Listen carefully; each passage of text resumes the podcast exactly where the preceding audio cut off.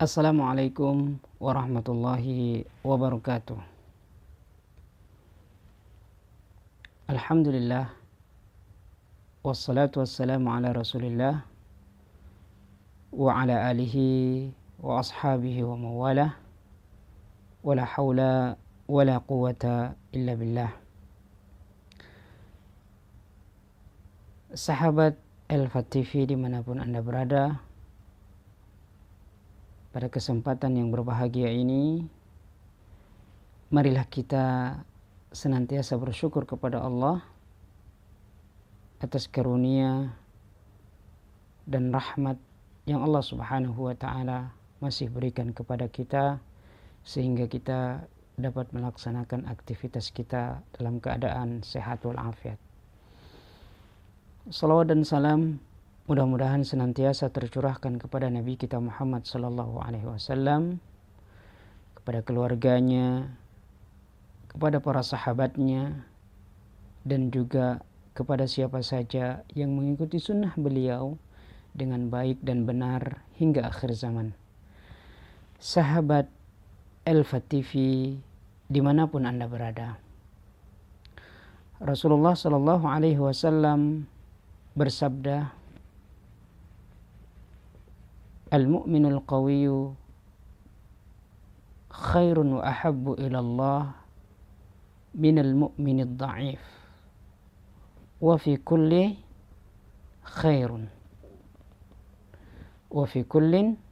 khairun Nabi Shallallahu alaihi wasallam bersabda mukmin yang kuat lebih baik dan lebih dicintai oleh Allah Subhanahu wa taala daripada mukmin yang lemah. Pada masing-masing keduanya, kata Nabi Shallallahu Alaihi Wasallam, memiliki kebaikan.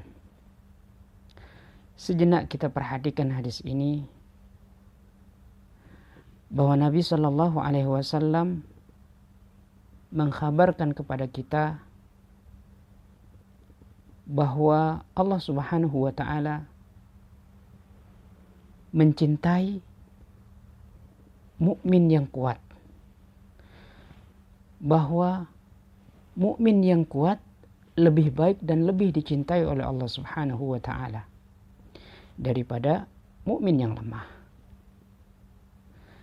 Kemudian Rasulullah Shallallahu alaihi wasallam melalui hadis yang mulia ini mengkhabarkan bahwa Allah Subhanahu wa taala memiliki sifat mahabbah. Bahwa Allah itu memiliki sifat cinta atau mencintai. Kemudian Rasulullah Shallallahu alaihi wasallam menjelaskan pula dan sekaligus hadis ini menjadi motivasi bagi kita semua sahabat El Fatifi di mana pun anda berada untuk senantiasa menjadi seorang mukmin yang kuat. Mukmin yang kuat secara fisik. Mukmin kuat akidahnya. Dan mukmin yang kuat tauhidnya kepada Allah Subhanahu wa taala. Mukmin yang kuat lebih dicintai oleh Allah Subhanahu wa taala dan ia menjadi lebih baik daripada mukmin yang lemah sebab mukmin yang kuat akan lebih memberikan manfaat banyak terhadap mukmin lainnya bila dibandingkan dengan mukmin yang lemah. Akan tetapi kalau kita perhatikan pada potongan hadis tersebut di mana Nabi Shallallahu Alaihi Wasallam mengatakan wafi kullin khair dan pada masing-masing keduanya memiliki kebaikan. Mukmin yang lemah secara fisik jangan merasa diri kita hina. Jangan merasa putus asa. Sebab kita atau mukmin yang lemah tersebut memiliki kekurangan sehingga tidak mendapatkan cinta Allah sebagaimana cintanya Allah Subhanahu wa taala kepada mukmin yang kuat.